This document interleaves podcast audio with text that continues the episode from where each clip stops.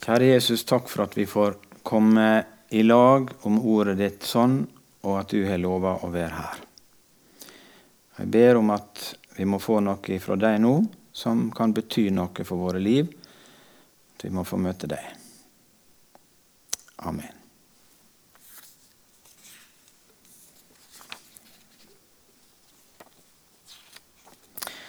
Det er i alle fall tema vekst. Og noen husker bilder som kom etter Nikolai Ceaucescos fall i Romania, fra barneheimene. Og det var triste greier å se. Hvordan var veksten for disse der?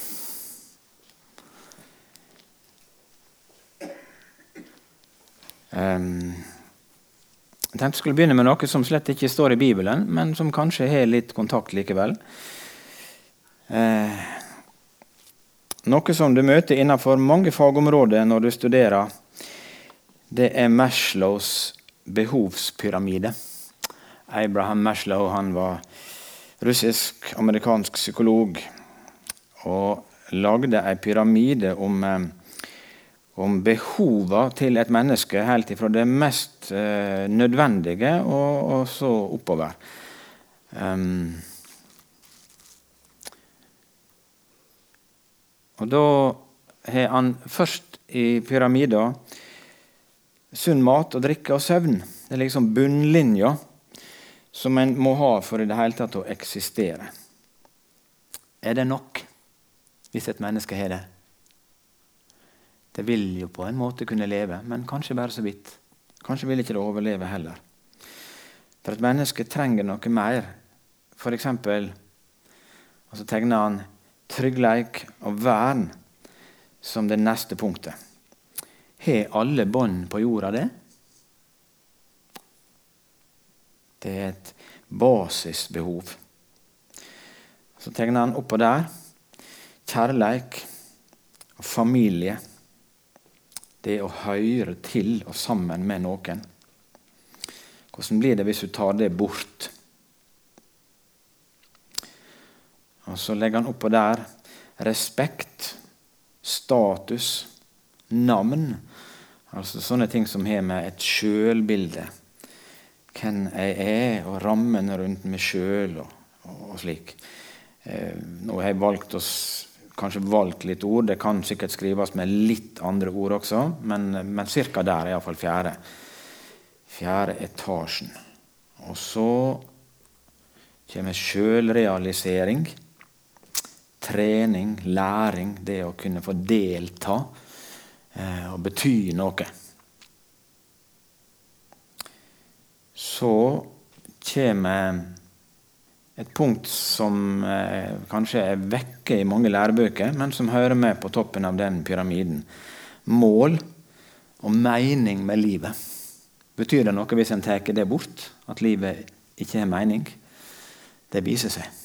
Det er utrolig hva det betyr for et menneske å vite hva som er meninga med at jeg er til. Og så Diskuterer folk hva lykke er for noe, så tenker ikke de over at vi er skapt med en hensikt og en mening. Hvorfor jeg tok med dette her til å begynne med? Det har noe med vekst å gjøre. Eh, og det slår meg Når jeg så på disse ordene i behovspyramiden, er det mulig at et menneske kan møte akkurat dette i Guds menighet? Hvis du ser på disse tingene der, kan Guds menighet være med og støtte endatil noen plasser bunnlinja i den behovspyramida. At noen kan bli berga i Guds menighet fordi at det var der en fikk det også. Det er mange eksempel på det rundt omkring i verden med kristne kirker som har berga mennesker i nød. Massevis av små menigheter i Libanon for eksempel, som ble flerdobla i antall fordi at de tok seg av flyktningstrøm fra Syria. Det hørte vi ikke om på nyhetene.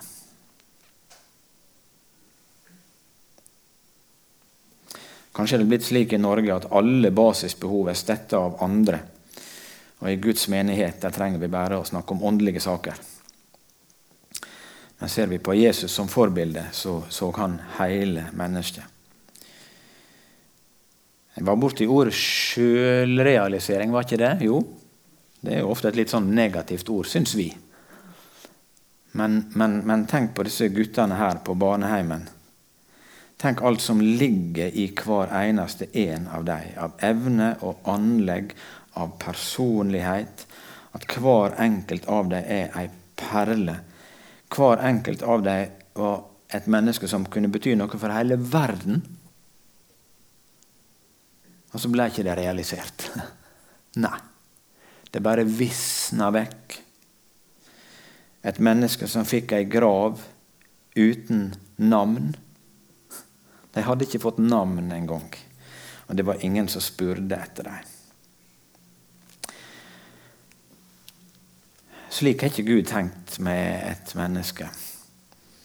Til Abraham var det sagt 'Jeg vil velsigne deg'. Jeg vil gjøre deg til et stort folk. Du skal bli til velsigning. Så det er Guds plan med et menneskeliv. Ikke bare Abraham, med det store kallet han fikk, men hvert eneste menneske at du skal bli til velsigning. Her er virkelig en, en, en vekst til å, å, bli noe som Gud har tenkt. Tenk å få bli det Gud har tenkt med livet mitt. Og ikke bli behandla som ingenting og bare visne bort. Ja, det var nå en, en, begynnelse. En liten tanke om eh, å være et menneske og være tenkt til noe.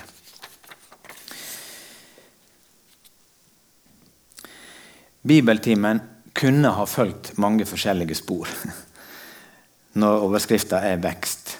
Og du må tro det var vanskelig å vite hva det skulle bli.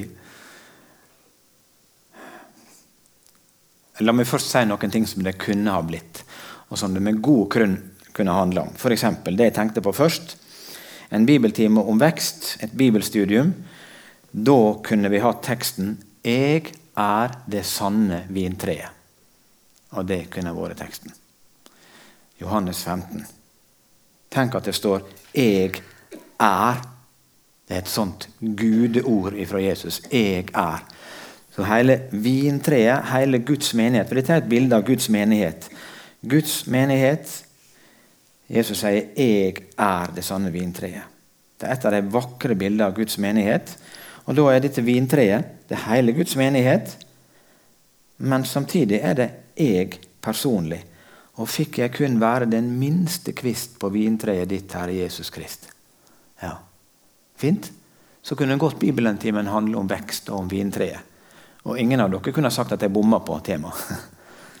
For det er virkelig Tenk det, Bare tenk deg glad på hvor fint det er å få være en kvist på det vintreet og høre sammen med Jesus.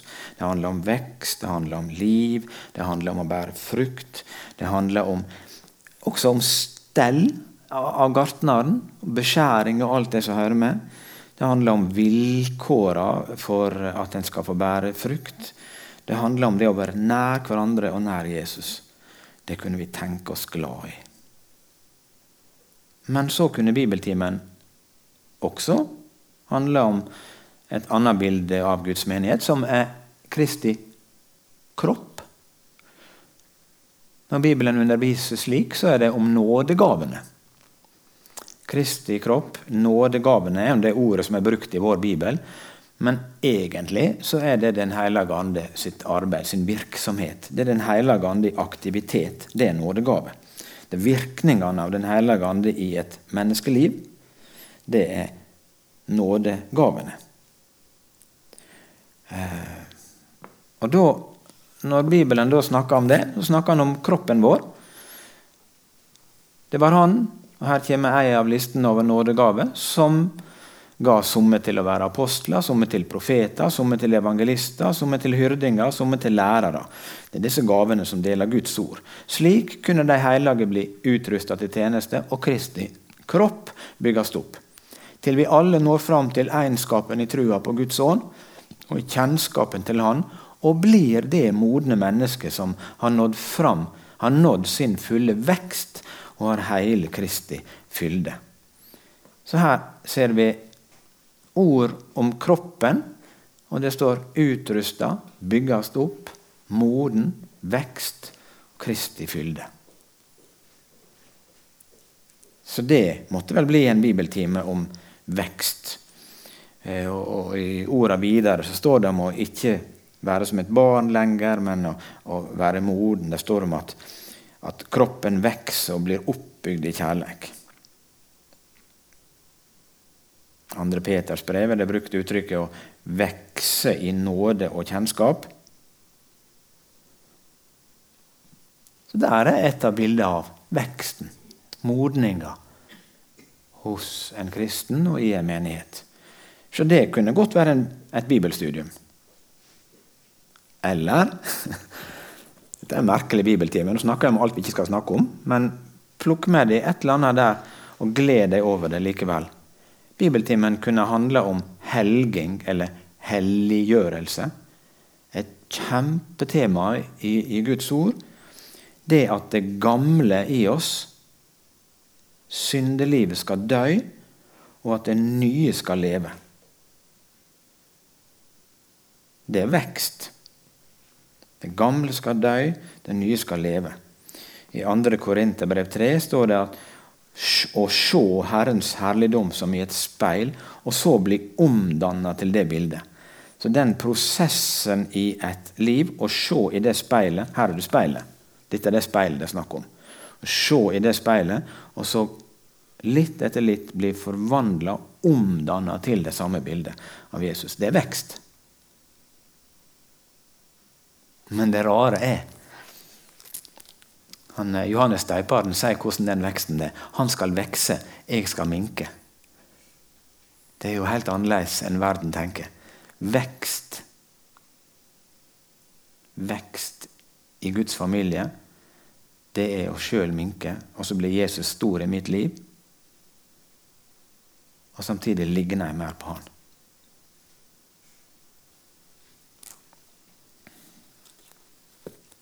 Eller kom vi til den fjerde?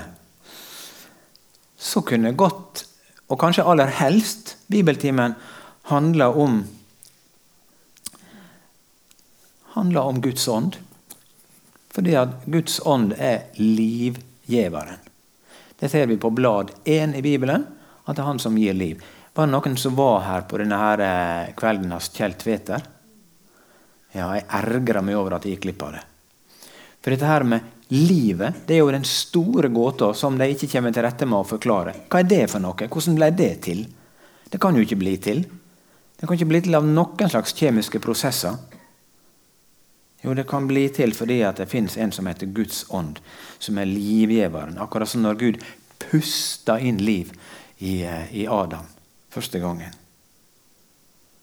Det er den store gåta i naturen livet. Men Guds ånd er den som gir liv. Og når det står i Bibelen om å bli fornya, så kan det ordet oversettes med å gjenskape.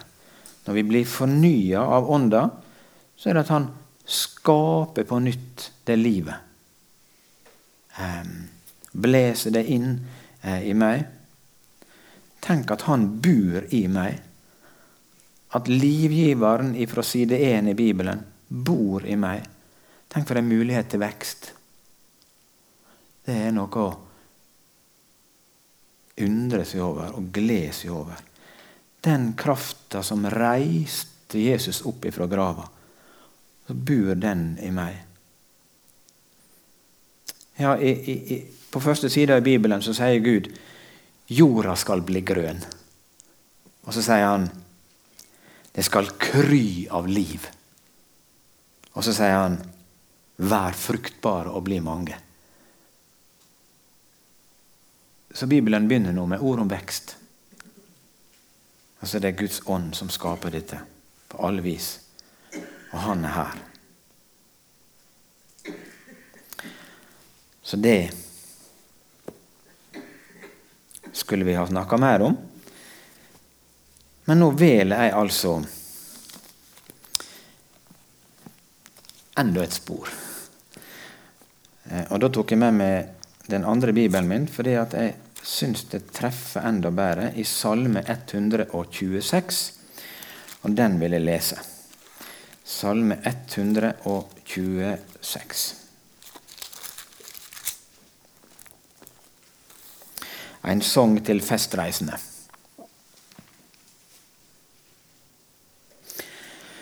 Da Herren let Sions fanger vende attende, var vi som drøymande. Det er altså utfriinga ifra Babylon, når folket fikk vende heim. Da Herren let Sions fanger vende attende, var vi som drøymande. Da fyltes vår munn med lott, vår tunge med fagnadrop. Da sa de mellom heidningene, store ting har Herren gjort mot disse. Store ting har Herren gjort mot oss, og vi ble glade. Herre, lat våre fanger vende attende, liksom bekker i Sydlandet. De som sår med gråt, skal hauste med glederop. Gråtande går de og ber det sæde de sår ut. Med fagnad rop kjem de heim og ber sine kornband.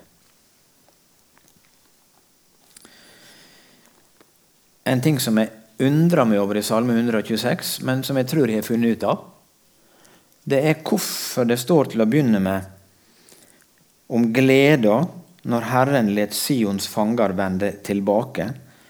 Og så glede og jubelrop og, og, og, og, sånn. Men så kommer det i vers 4.: Herre, lat våre fanger vende attende. Hvordan rimer det? Det var fordi at det var noen som ville bli. Når de, når de ble fri fra Babylon og de kunne vende hjem igjen til landet sitt etter alle disse åra, så var det noen som hadde blitt så fornøyde med å være babylonere at de brydde ikke seg om det. De fikk muligheter og kallet og sjansen, men de hadde det bra nok der de var, så de ville ikke. De ville bare blande seg med folket som var der, og bli der. Og det er gråten i denne salmen at samtidig som noen ble frelst og fikk komme hjem igjen, så er det noen av våre som er igjen der ute. Og så, og så er det gråt over dem. Det er mange som har sådd og bedt med tårer for sine. Her også. De som sår med gråt. Du har sådd og bedt med tårer for dine, og du har bedt for andre som blei dine, som blei lagt på ditt hjerte. Og Dette er en lovnad til de som sår med tårer, og som har noen de gråter for og, og, og ber for. At du skal hauste med glederop. Jesus gråt også over Jerusalem.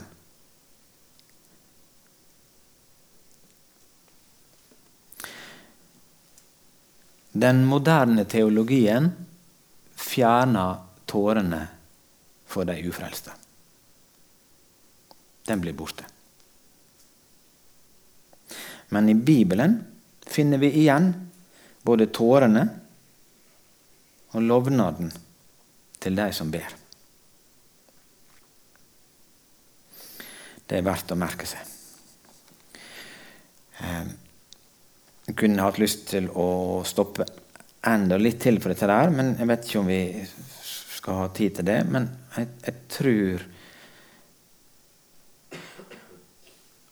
at det er en umistelig skatt at det er enda er mennesker som går med himmelens smerte i sitt hjerte. Guds smerte over andre og ser andre med det blikket at hadde de bare kjent Jesus Men jeg tenkte at jeg skulle se med et litt praktisk blikk på akkurat dette her. Eh, så det blir kanskje en litt annerledes måte å, gjøre det på, men det får nå stå sin prøve. Jeg tok bilde av eh, ei bryllupsgave som vi fikk. Eller som jeg fikk. Må en snakke av og til om gavene som hun fikk til bryllupet vårt. Eh, denne fikk jeg med han som jeg bodde på hybel i lag med på Fjellhaug. En veldig kjekk kar fra Island. Og så fikk jeg disse der eh, figurene der. Noen er Nipsfigurer de blir stua vekk, men noen er verdt å ha stående. Og her er det altså han med såkorga og hun med kornbandet. Den som sår, og den som høster. Og Bibelen bruker veldig mange ganger det bildet, både i Gamle og Nytestamentet, av såkorn og høst. Så da er det kanskje ikke så uåndelig å stoppe og tenke på akkurat det. Um, hva trenger vi for å komme dit at vi med glede kan få, få hauste inn en stor vekst til det våre? Hvordan kan vi oppleve den? Med glederop kommer de hjem og ber sine kornbad. Hva trenger vi for å komme dit? Um, og Da er det første og kanskje mest praktiske og enkle svaret vi må ha en åker hvis det skal bli eh, grøde og høste inn. Hva er din åker? Ja, Noen kunne si ja, det er misjonssalen. Ja, det er jo et bra svar. Eh, det er sannelig muligheter her. Men nå tenkte jeg mer sånn på akkurat for din del der, der du er, og der du går. Um, vi er ikke så fryktelig mange her i dag. Men til sammen å bare tenke på den kontaktflata av familie, eh, naboer, arbeidskamerater, hva det er. Flere av dere er blitt pensjonister, men jammen har du stor kontaktflate fortsatt. Så Hvis jeg skulle se for meg den flokken til sammen her, det har blitt en gedigen forsamling. Det har blitt mye åker. Så, så hva tenker du på som din åker? Um, tenker du på at det er en, en åkerteig, noen mennesker som er bare din? Og du tenker at hvis ikke du får bedt for dem, og hvis ikke du får sagt et ord til dem, så er det kanskje ingen andre som gjør det. Fins det noen sånne? Kan ikke dere bare prate bitte litt med hverandre? Hva, hva, er din åker? Noen du tenker på? Det kan være noen som du går og kjenner på at du skulle ha hatt mer kontakt med. Kanskje du tenker på at det er en åker som du kunne ha sådd i, men der ligger helt brakk, for det er ennå ikke sådd. Ja, ja. Hva, hva Snakk bitte litt med hverandre.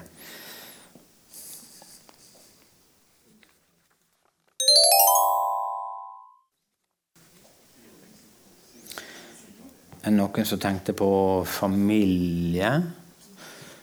Noen som tenkte på barnebarn eller tanteunger? Noen som tenkte på fadderbarn, kanskje?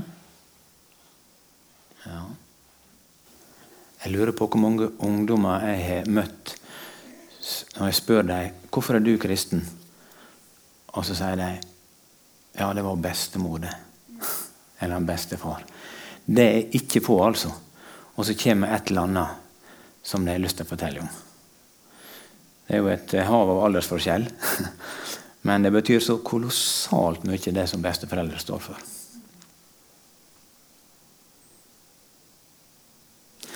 Jeg tenkte vi litt hva for oss. Det er klart Hvis vi hvis det å være kristen var bare å være publikum på en, på en menighet Men vi er jo såmenn og såkvinner med vår åker. Og kan få mot til det når vi er her i lag.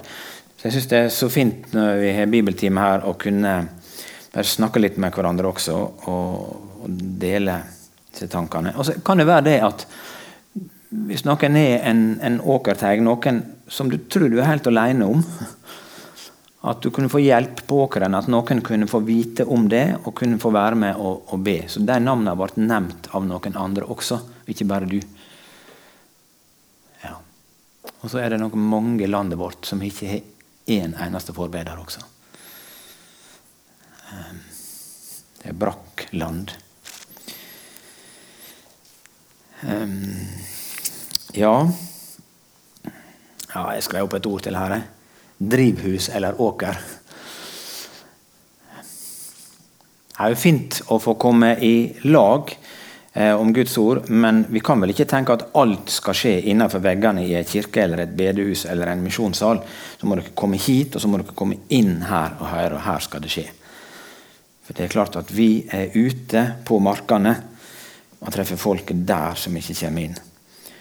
Um, og Jesus sa også 'Løft øynene deres og se åkrene'. Og Det interessante er at den gangen han sa det store misjonsordet, det var etter at han hadde sittet ute med brønnen ved Sykar og snakka med ett menneske. og Læresvennene kom ut og undra seg over at han satt og prata med ei kvinne. Og Så hadde han prata med henne ene, og så sa han 'løft øynene og se åkrene'. Så å ha omsorg for ett spesielt menneske som du ber for, det Det er sånn Jesus tenkte. Og så vil han vise oss åkra å legge på vårt hjerte som som vi ikke har sett også. Så vi kan være med i misjonen. En ting til. På vei til det å kunne hauste inn. Det er jo ikke så greit bare å ta med seg eh, sette poteter eller, eller såkorn rett ut i naturen og så hive det utover. Ofte er det et kjempearbeid først med rydding. Kratt og stein.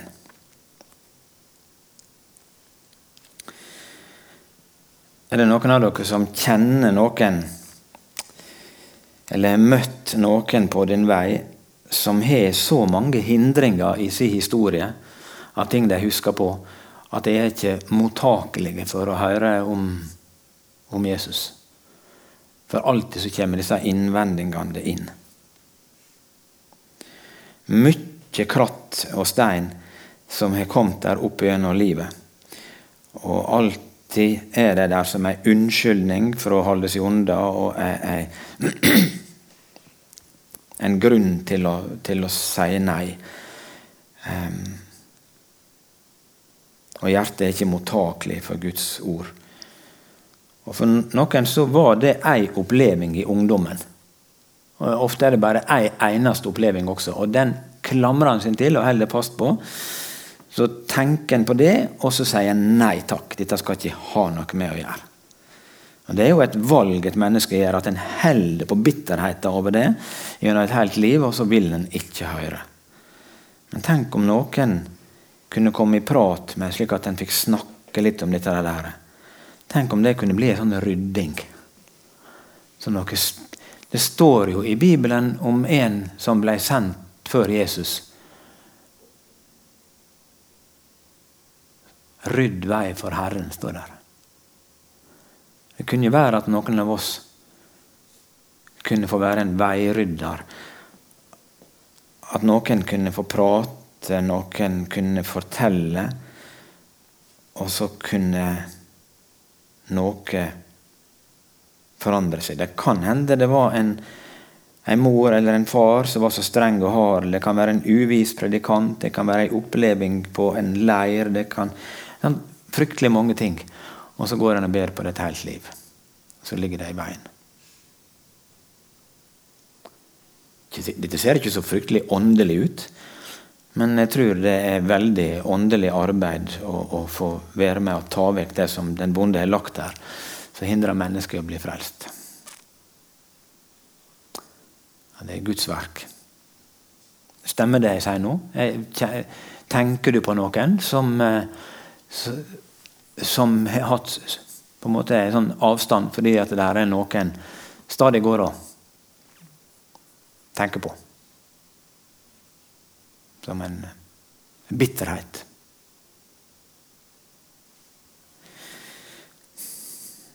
Jeg husker jeg, jeg tenkte med meg sjøl at jeg, jeg må eh, bruke anledninga og få prate med noen pappa om sånne ting. Eh, før det blir for seint. Jeg husker en gang jeg satt og prata med en og, og, var så modig. Jeg, sa, jeg spurte hva, hva var som gjorde at du var så negativ den gangen jeg ble en kristen. Ja, og Så kom det noe litt fram, da. Hvordan han hadde reagert på liksom, miljøet her på Sunnmøre når han kom hit. Og Han syntes det virka så stengt. og Så har han nok reagert på noen kristne og sånn. Jeg vet, ikke, jeg vet ikke hvor viktig den samtalen var, men, men kanskje den var viktig. For jeg tenker, Hvem i all verden er det ellers som snakket med pappa om sånt? Det jo ingen det. Aldri. Og så ville han fortelle. Så jeg syns dette der var en, veldig spesiell anledning.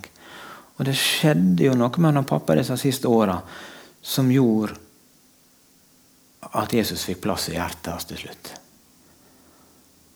Kanskje det var viktig. Så jeg tenkte jeg er nødt til Jeg kan ikke, når det ble for seint, så kan jeg ikke gå og tenke Men jeg skulle jo ha prata med henne om det.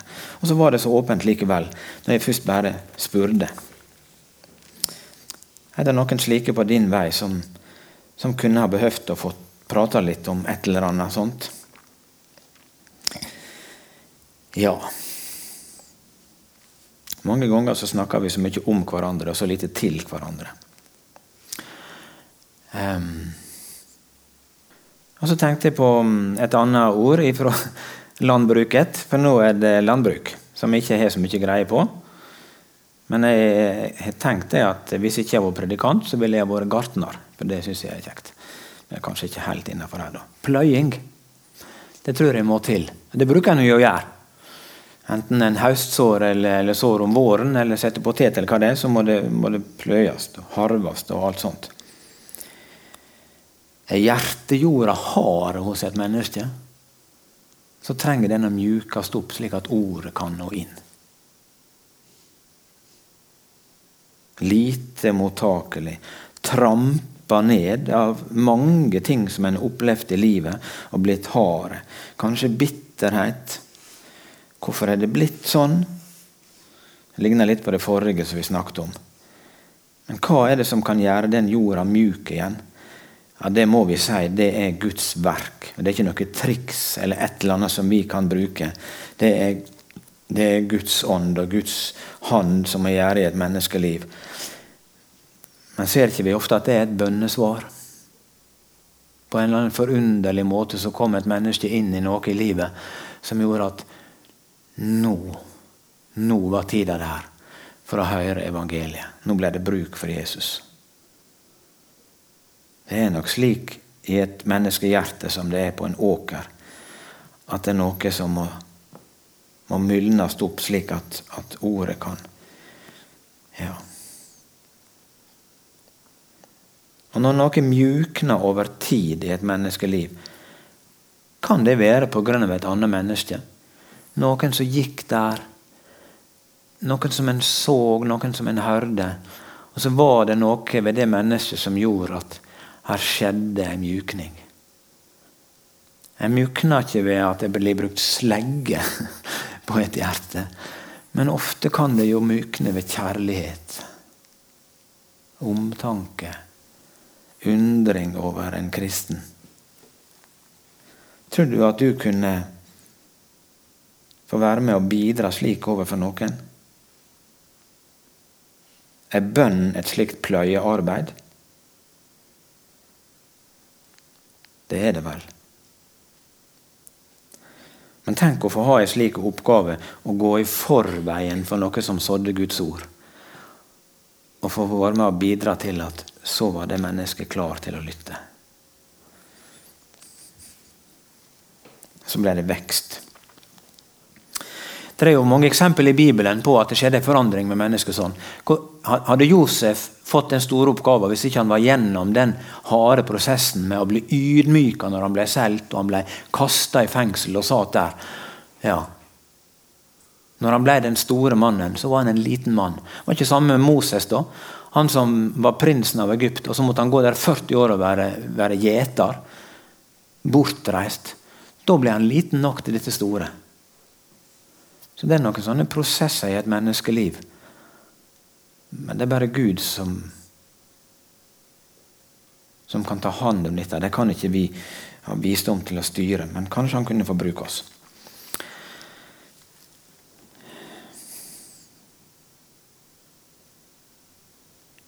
Altså et helt innlysende punkt.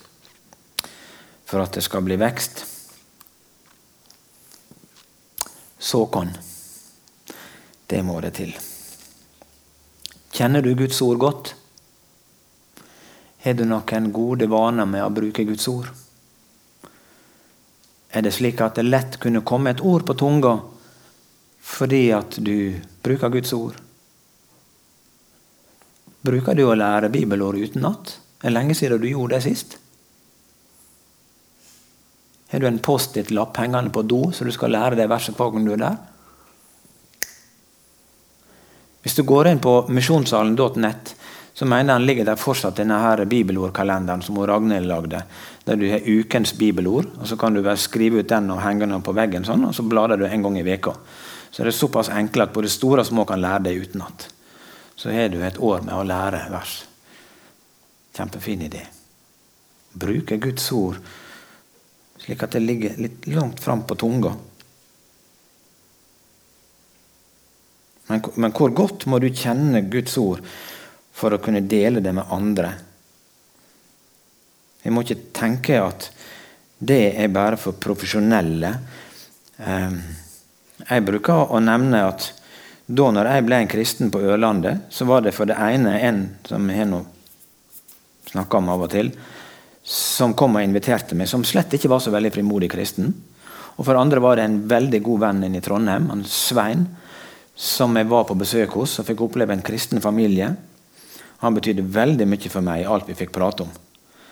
Men han har sagt til meg i voksen alder at han var i grunnen ikke så sikker da, i sin tro. Så Vi kan ikke vente til at alt er sånn som vi trodde det skulle være, og så skal vi kunne dele noe med andre. Akkurat nå så kan vi det. Men det å ha såkorne og kjent i Guds ord. Jeg vil oppmuntre til å lære ord utenat.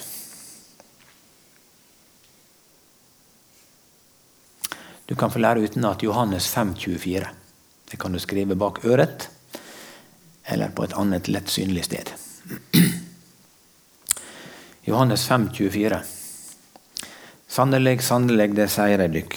Den som hører mitt ord og tror på Han som sender meg, har evig liv og kommer ikke for dommen, men har gått over fra døden til livet. Et mektig ord om frelseveien. Johannes 5, 24. Prøv å ha noen sånne som du kan repetere og kunne. Og kanskje også noen illustrasjoner som du kan bruke. Og så kan du kanskje tenke på det spørsmålet. Jeg, vet jeg spurte det til noen ungdommer nå når jeg var på Tryggheim og eh, hadde møteveke tidligere i, i, vår. Jeg satt igjen med matbordet og, og flere ganger jeg spurte hvorfor er du en kristen. Noen ble helt satt ut. Ingen har spurt meg det spørsmålet før. Jeg visste ikke hva de skulle svare, og, og noen tenkte seg om og kom med et svar. Men det spørsmålet kunne vi hatt godt av å få, alle sammen. Hvorfor er du en kristen? Og så får du fortelle hvorfor Jesus er viktig for deg. Være klar til å så.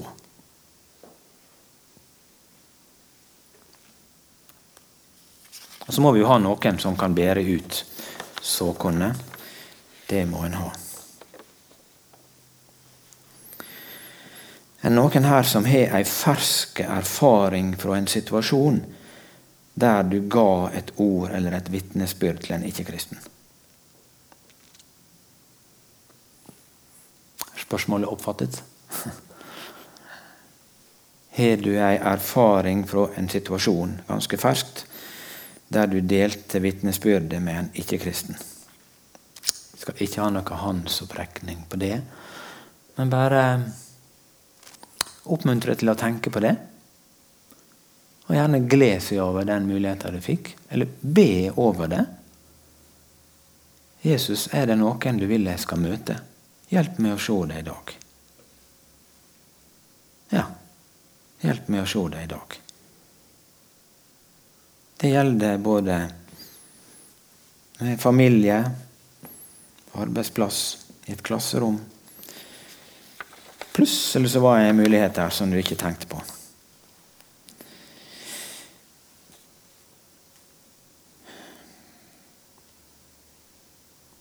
Var vel Hanna Myklebust på Vestborg. Hun eh, hvem var hun og, som var til eh, Peru i forbindelse med misjonsprosjekt? Kristoffer var det.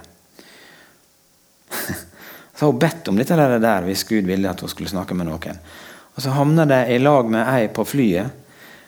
Hva slags språk det var hun snakket? Det var iallfall et temmelig klønete samtale med et eller annet kvasi-engelsk med landa med litt spansk og hva det var for noe.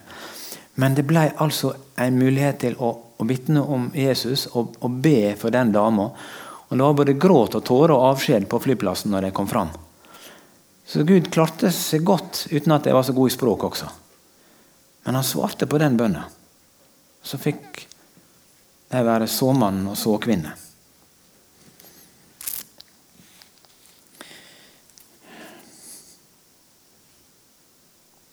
Mangler det mannskap som sår? Ja, det mangler mannskap som sår. Jesus har en veldig spesiell ting han sa om det. Be da han som eier grøda, at han må drive ut arbeidere. Så den bønnen har han lagt i munnen på oss, og den vil han svare på. Det å be håna om at han må sende ut, drive ut, også her hos oss og utover i misjonsarbeidet vårt. Be han om å drive ut. Høsten er stor, men arbeiderne er få.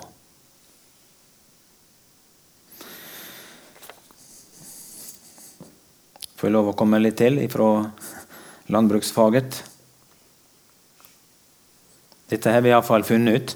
De som var sta og kjøpte seg blomster og skulle ha ut i verandakassa, eller hva det var for noe, og der kom vinteren. Så det er kanskje noen blomster som gikk kuken på dette der. Det gikk dårlig. Det er klart, Hadde det vært varmt, så hadde det gått helt annerledes. Og naturen og det som vokser og skal bære frukt, det trenger varme. Det er en sammenheng mellom varme og vekst. Er ikke det det også i Guds rike? En sammenheng mellom varme og vekst.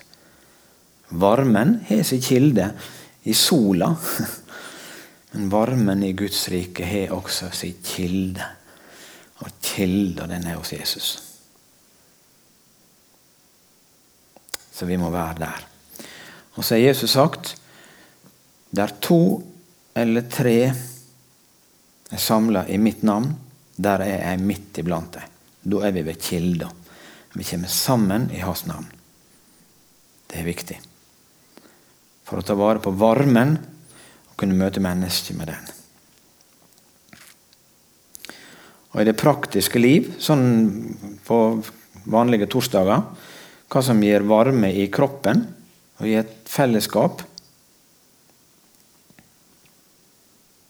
Ja, Det vet vi noe om nærhet, ærlighet, komme sammen.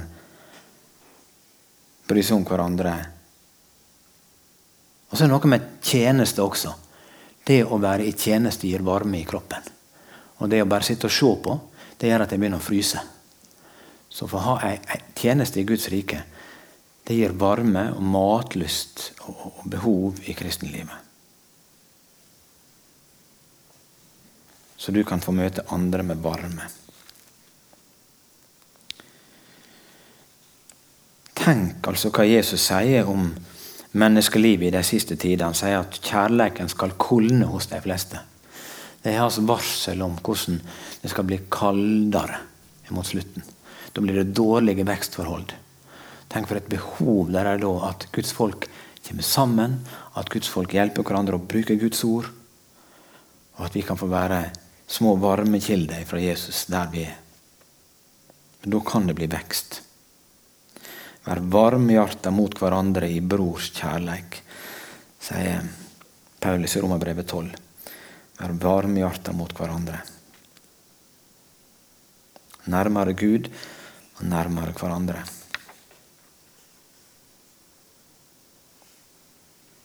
Tja, vet ikke Ble det noe av dette her? Ehm, det er så mange ting Fordi Bibelen bruker disse bildene fra naturen så speiler det hvordan det er i Guds rike. I naturen trengs det lys hvis det skal vokse. Hvor det går med disse her eh, som du setter inn for vinteren, som står i en mørk kjeller. Det, det er noen gule stengler, noe sånt, men det blir aldri noe av det. Det må ut i lys. Og sånn er det i Guds rike også. Hva mener 1. Johannes brev med å vandre i lyset? Vandre i lyset.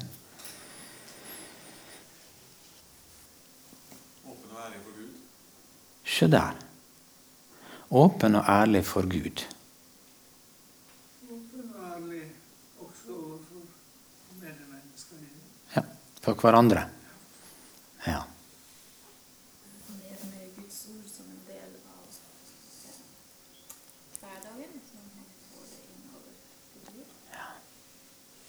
Fordi det står at ditt ord er ei lykt for min fot og et lys på min sti.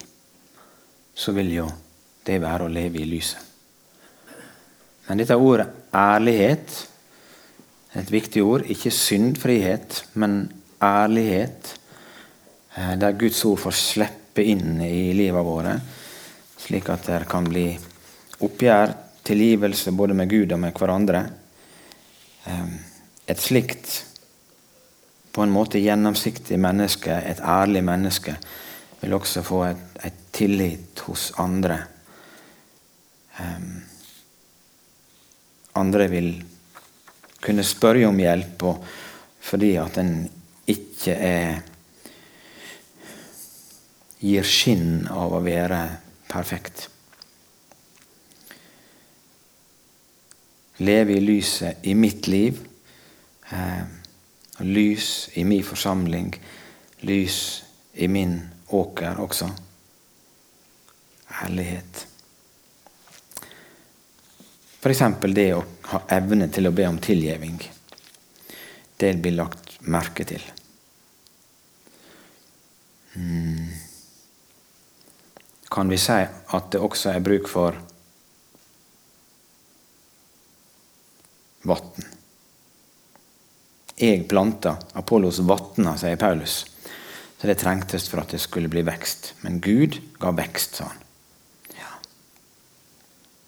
Hva som kan menes med dette med vann, det er ikke noen fasitsvar på, men vi ser jo det at det må til skal det bli liv. Så det er vel en måte Bibelen snakker om at, at Guds ord er nødvendig. Salme 1 snakker om et tre som er planta ved rennende bekker. Det gir frukt i sin tid. Så det tørker ikke ut. Det har kontakt med kilder. Og Så møter vi noen som gjerne ville leve med Jesus, men så ble kristenlivet en ørken. Kanskje vi kunne hjelpe noen til å få Kanskje du kunne sende et konfirmantkort til noen og skrive et bibelvers på. Ja.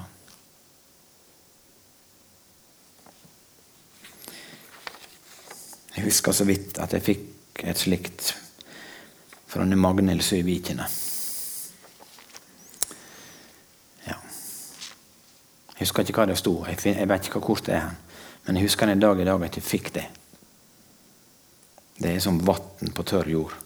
Og det har en virkning.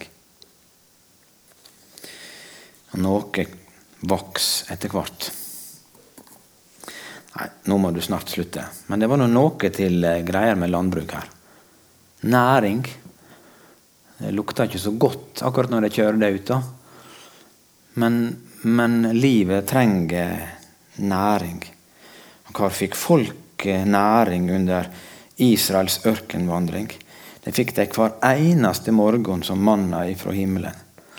Å leve et liv der vi kanskje hver morgen får noe manna ifra himmelen, det, det vil gi et liv der det er mulighet for vekst.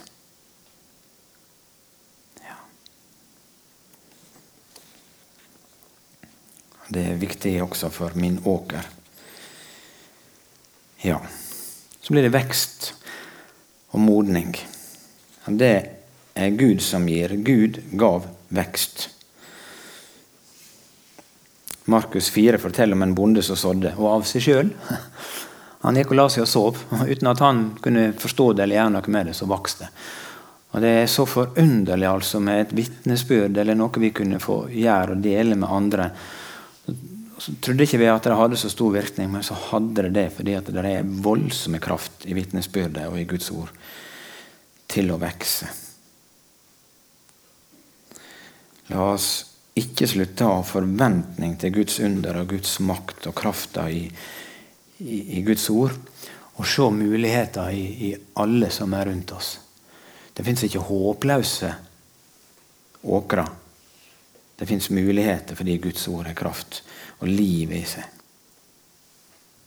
Ja, jeg tror jeg sier amen.